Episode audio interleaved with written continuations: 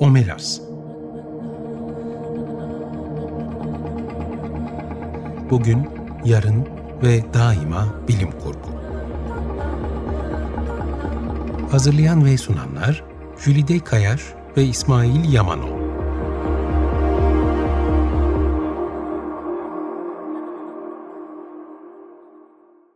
Merhaba, 95.0 Açık Radyo'da Omelas'a hoş geldiniz. Ben Jülide Kayaş. Ben İsmail Yamanol. Bilmiyorum sesim belki size aşina gelmiş olabilir, aşina gelenler olabilir. Ee, daha önce yine Açık Radyo'da 3 yayın dönemi sevgili Naci Aklan'la Sentinel e, programını hazırlayıp sunmuştuk. Bir bilim kurgu programıydı. Ee, Güzel de bir programdı. Şimdi yeniden bir bilim kurgu programına başlıyoruz. Bu kez e, yayın arkadaşım, program arkadaşım İsmail Yamanoğlu'la birlikte hazırlayıp sunacağız programı. E, programda nelerden söz edeceğiz? Onları biraz öncelikle e, konuşalım istiyoruz. Her şeyden önce e, ilk başta e, İstanbul'da bilim kurguyla ilgili etkinliklerden, neler yapıldığından bir ajandadan konuşacağız. Bunda da ağırlıklı olarak e, Özgen Berkoldoğan Bilim Kurgu Kütüphanesi'ndeki etkinlikleri takip ediyoruz. Onun dışında başka e, etkinlikler olduğunda onları sizlere haber vermek niyetindeyiz. E, daha sonra yazar dosyaları olsun istiyoruz. Az bilinen yazarlar ya da çok bilinen yazarların az bilinen yönleri üzerine e, programlarımız olacak. Evet, bilim kurgunun alt türlerinden bahsedeceğiz. Yine böyle e, o günün güncel e, gündemine göre belirleyeceğimiz konular olacak. Bunlar biraz sürpriz olacak. O yüzden düzenli olarak takip etmenizde fayda var. E, belki bir mikro öykü örnekleri programı yapabiliriz. Onun için de e, şimdiden hazırlıklara başladık. E, genel olarak aslında bilim kurgunun ta en baştan tarihinden itibaren sizlere e, o gelişim sürecini aşama aşama anlatmaya çalışacağız. Arada tabii kült romanlardan, e, dizilerden, filmlerden söz ettiğimiz olacak. Konuklarımız olacak bol bol e, edebiyat dünyasından, hı hı. E, çevirmenlerden, editörlerden, yayın evlerinden e, konuklarımız olacak. İşin belki, mutfağına dinleyeceğiz. Evet, evet. Belki kısa film yönetmenlerinden evet. her alanına değinmek istiyoruz. Yani aslında epey e, dolu dolu olacağını umuyoruz. E, bakalım iki haftada bir salı günleri 15.30'da e, Açık Radyo'da olacağız. Takipte kalın. evet. Peki neler e, anlatacağımızı söyledik. Bir de ismimizden söz etmek istiyoruz. Programın ismini Omelas koyduk. Onu biraz anlatmak, sizinle paylaşmak isteriz. İstersen İsmail sen başla. Tabii. Omelas aslında bilim kurgu edebiyatına e, hakim insanların çok da yadırgayacağı bir isim değil. Bu ismi nereden hatırlıyorum diye soranlar olabilir. Tabii ki Ursula K. Le Guin'in o 1973 yılında yazdığı muhteşem öyküsü. Omelas'ı bırakıp gidenler e, öyküsünden esinlenerek biz de programımıza bu ismi vermek istedik. E, peki öykü ne anlatıyor? Belki kısaca ondan da bahsetmekte yarar var. E, dediğim gibi öykü 1973 yılında Ursula K. Le Guin'in kaleme aldığı ve aslında edebiyat literatüründe de e, çok önemli felsefi kurgu örneklerinden biri olarak gösterilen bir eser. E, öykü aslında öykü aslında bir sahil kasabasında geçiyor. E, bu sahil kasabasındaki insanlar o kadar mutlular, o kadar kusursuz bir hayat sürüyorlar ki ilk başta biz tabii ki bu duruma e, ütopik bir pencereden bakarak diyoruz Aa, ne kadar kusursuz, ne kadar mutlak mutluluğun yaşandığı bir e, coğrafya bir. Çünkü ütopyalarda e, evet. ulaşılmak istenen nokta o değil mi? Tam bir mutlak mutluluk, bütün vatandaşlar mutlu, her şey yolunda, evet. herkes refah içinde yaşıyor. Öyle bir yer Omeras. evet öyle bir yer. Ama tabii ki doğada doğal olarak kusursuz olmadığı için alttan alta işkillenmeye de başlıyoruz. Burada bir tuhaflık var diyoruz. Evet çünkü bilim kurgudan biz çok iyi biliyoruz ki bir şey çok kusursuzsa kesin onun altında e, yanlış olan bir şeyler vardır. O yüzden her ütopya distopya, her distopya ütopya dönüşme eğiliminde olabiliyor. E, Omelas'ı bırakıp gidenler de böyle bir öykü. E, dediğimiz gibi Omelas'a mutluluk, refah, bereket hakim. E, harika bir doğaya sahip olmasının yanı sıra burada yaşayan insanlar arasında ayrımcılık ya da sınıf farklılığı da yok. E, herkes eşit, herkes mutlu, herkes halinden memnun. Hatta öyle ki düzeni sağlayan bir otorite bile yok. E, dolayısıyla devletin, bürokrasinin, kolluk güçlerinin ve dinlerin olmadığı görünürde anarşist bir toplum modeliyle karşı karşıyayız. Zaten yazar da tüm bu deptebeli durumu bir yaz festivaliyle betimliyor öykünün açılışında. Biz de bu festivale Hatta oluyoruz. onu anlatırken de şey diyor değil mi? Öyle bir tasvir ediyorum ki insan her an bir yerden böyle atlar gelecek üzerinde Evet. sırmalı kıyafetleriyle. Doğru. Çok güzel betimlemeler var. Ancak dediğimiz gibi e, kusursuz yapılar biz, biz insanları her zaman ürkütür ve işkillendirir. Çünkü kusursuzluk e, doğal değildir. Haliyle biz de ufak ufak e, işkillenmeye başlıyoruz ki derken yazar da çok geçmeden ağzındaki baklayı çıkarıveriyor. Gerçekten de tüm bu kusursuzluğun altında bir acı yattığını, her şeyin bu acının devam etmesine bağlı olduğunu öğreniyoruz. Bu noktadan sonra derin bir ikileme ve ahlaki bir yol ayrımına sürükleniyoruz. Mutsuzluğun üzerinde yükselen bir mutluluk gerçek mutluluk sayılabilir mi? Huzurumuzun, refah ve mutluluğumuzun birilerinin acı çekmesine bağlı olduğunu bile bile hayatımıza devam edebilir miyiz? Bunlar kendimize sorduğumuz en önemli sorular arasında. Yazarın bizi içine çektiği bu derin dilemma aslında... Aslında oradaki mutsuzluğun ne olduğunu da şimdi söylememiz gerekir. Omelaslılar Evet. çok mutlu. Herkes refah içinde yaşıyor ama Omelas'ın bu pırıl pırıl dünyasında bir yer var ki orada bir çocuk acı çekiyor. Evet. Bu aslında Dostoyevski'den e, gelen bir şey. Evet, günah keçisi kavramından aslında Ursula K. Le Guin'in de e, kendi röportajlarında bunu söylediğine şahit oluyoruz. E, esin kaynaklarından biri tabii ki Dostoyevski'nin Karamazov kardeşleri olmuş. Kendisi e, 20'li yaşlarına kadar Dostoyevski'yi aşırı derecede beğenerek, severek okuduğunu, ondan sonra ne hikmetse bir türlü o eski iştahıyla okuyamadığını ama e, Dostoyevski kitaplarının aklının hep bir köşesinde kaldığını ve ileride yeni öyküler, yeni romanlar yazarken farkında olmadan e, o zamanında okuduğu Dostoyevski metinlerinden e, bir şeyler aldığını, öykülerine bir şeyler kattığını söylüyor. Bu da sanırım o, o şekilde İşte, bir öyküsü. Evet oradaki tek bir cümle o da şu bir şehrin mutluluğu e, bir çocuğun acı çekmesine bağlı olursa bu devam edilebilir bir şey Evet. midir? Bunu nasıl sürdürebiliriz? Bizi bu ikilemle baş başa bırakıyor. Evet, evet. Ve Ee, şöyle de bir şey var. Ee, belki bunun nedenini tam olarak öyküde duyamıyoruz. Yani e, neden bütün bir şehrin mutluluğu o çocuğun e, acı çekmesine bağlı olduğunun bize gerekçeleri anlatılmıyor. Sadece burada aslında e, bir metaforik olarak bizi o, yani okurları e, bir ikileme e, sürüklemeye çalışıyor Ursula. Bunu yapmasındaki gaye, gaye de aslında e, e, biraz siyasi diyebiliriz. Çünkü o bir yerden bize bir pencere açarak aslında işte içinde yaşadığımız modern toplumun, modern politikanın, modern siyasetin e, daha iyi, net bir şekilde görülebilmesini amaçlamış. Çünkü şöyle de e, düşünebiliriz. Aslında şu an içinde yaşadığımız modern dünyanın bir alegorisi öykü. Zira kapitalist düzende de bir avuç kesimin refah ve mutluluğu kocaman yığınların sefaletine bağlı biliyorsunuz. Maalesef ki durum böyle. E, dolayısıyla Ursula K. Le Guin o güçlü kalemiyle bizi düşünmeye, sorgulamaya ve en önemlisi de kendi vicdanımızla hesaplaşmaya davet ediyor. Evet ama çok da sormuyor aslında orada hani siz ne yaparsınız ne edersiniz Evet. bu konuda demiyor. Sebep sonuç ilişkisini de kurmuyor. Söylemiyor. O yüzden bence öykünün çarpıcılığı oradan geliyor. Çünkü Doğru. zaten içinde yaşadığın dünyanın böyle olduğunu bilirken birdenbire yüzüne karşı böyle bir öyküyle gelince evet diyorsun başka bir şeyler var. Biz okur olarak AutoCAD'ı zaten okurken yiyoruz. Evet orada e, şey de var e, hani düşünüyoruz ya acaba biz terk edip gider miydik? Çünkü birkaç grup var. Bir çocuğun acı çek ha bir de şu var o da enteresan. Omelaslılar biliyorlar çocuğun orada Evet, olduğunu. herkes bunun farkında. Herkes farkında hatta arada gidip çocuğu ziyaret edenler falan var. Gidiyorlar görenler Ne durumda var. merak ediyorlar. Evet onu yapanlar var ya da hiçbir şey olmamış gibi hayatına devam edenler var. O eğlencesine o işte anlattığım festival havasındaki şamatasına devam edenler var. Burada okur olarak şunu düşünüyoruz. Ee, gidenler tarafında mıyız? Kalanlar tarafında mıyız? Yoksa kalıp mücadele edenler tarafında Evet. mıyız?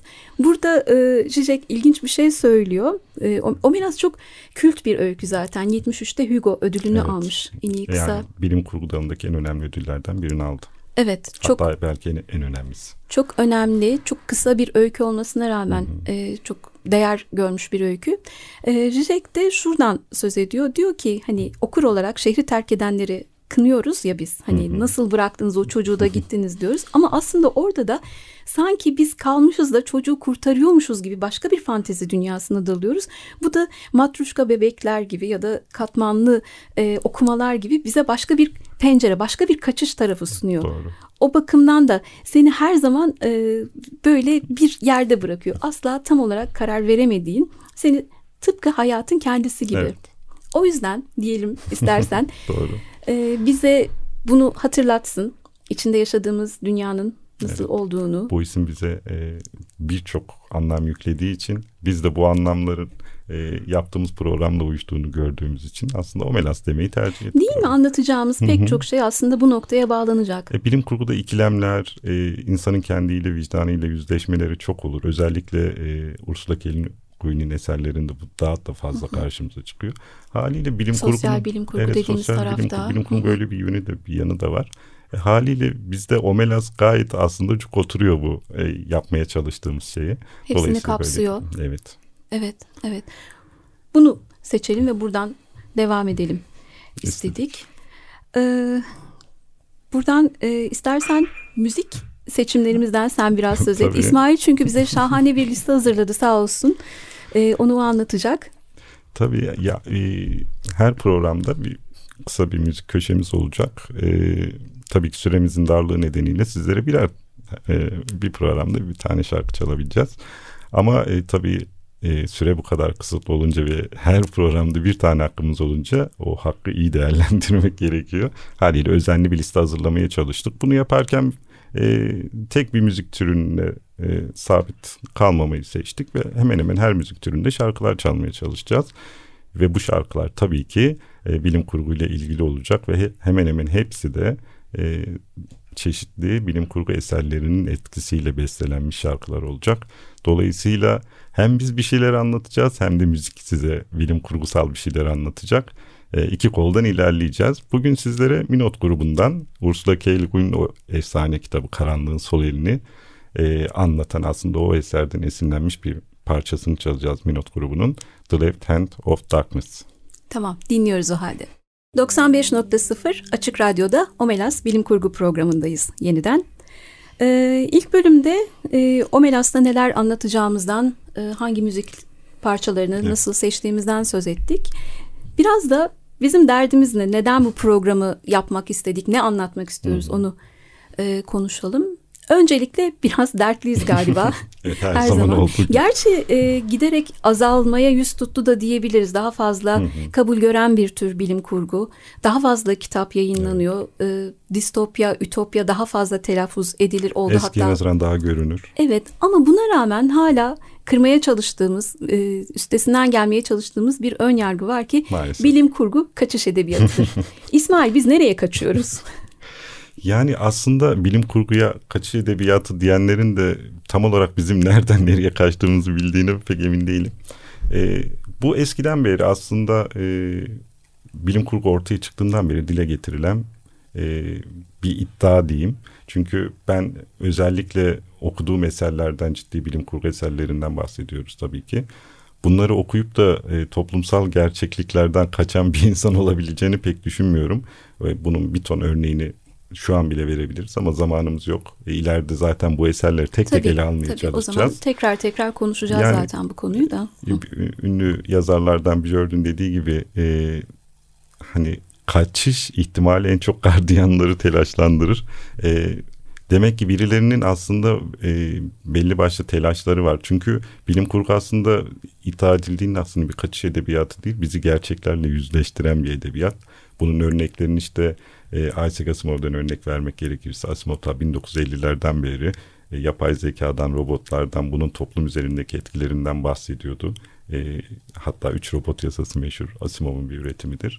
E, geldiğimiz noktada şimdi ChatGPT'lerden, robot teknolojinin, yapay zekanın yapay yol açabileceği evet, tehlikelerden. Bunlardan bahsediyor. Bunları okuyan bir insan e, neden kaçmış olabilir sizce?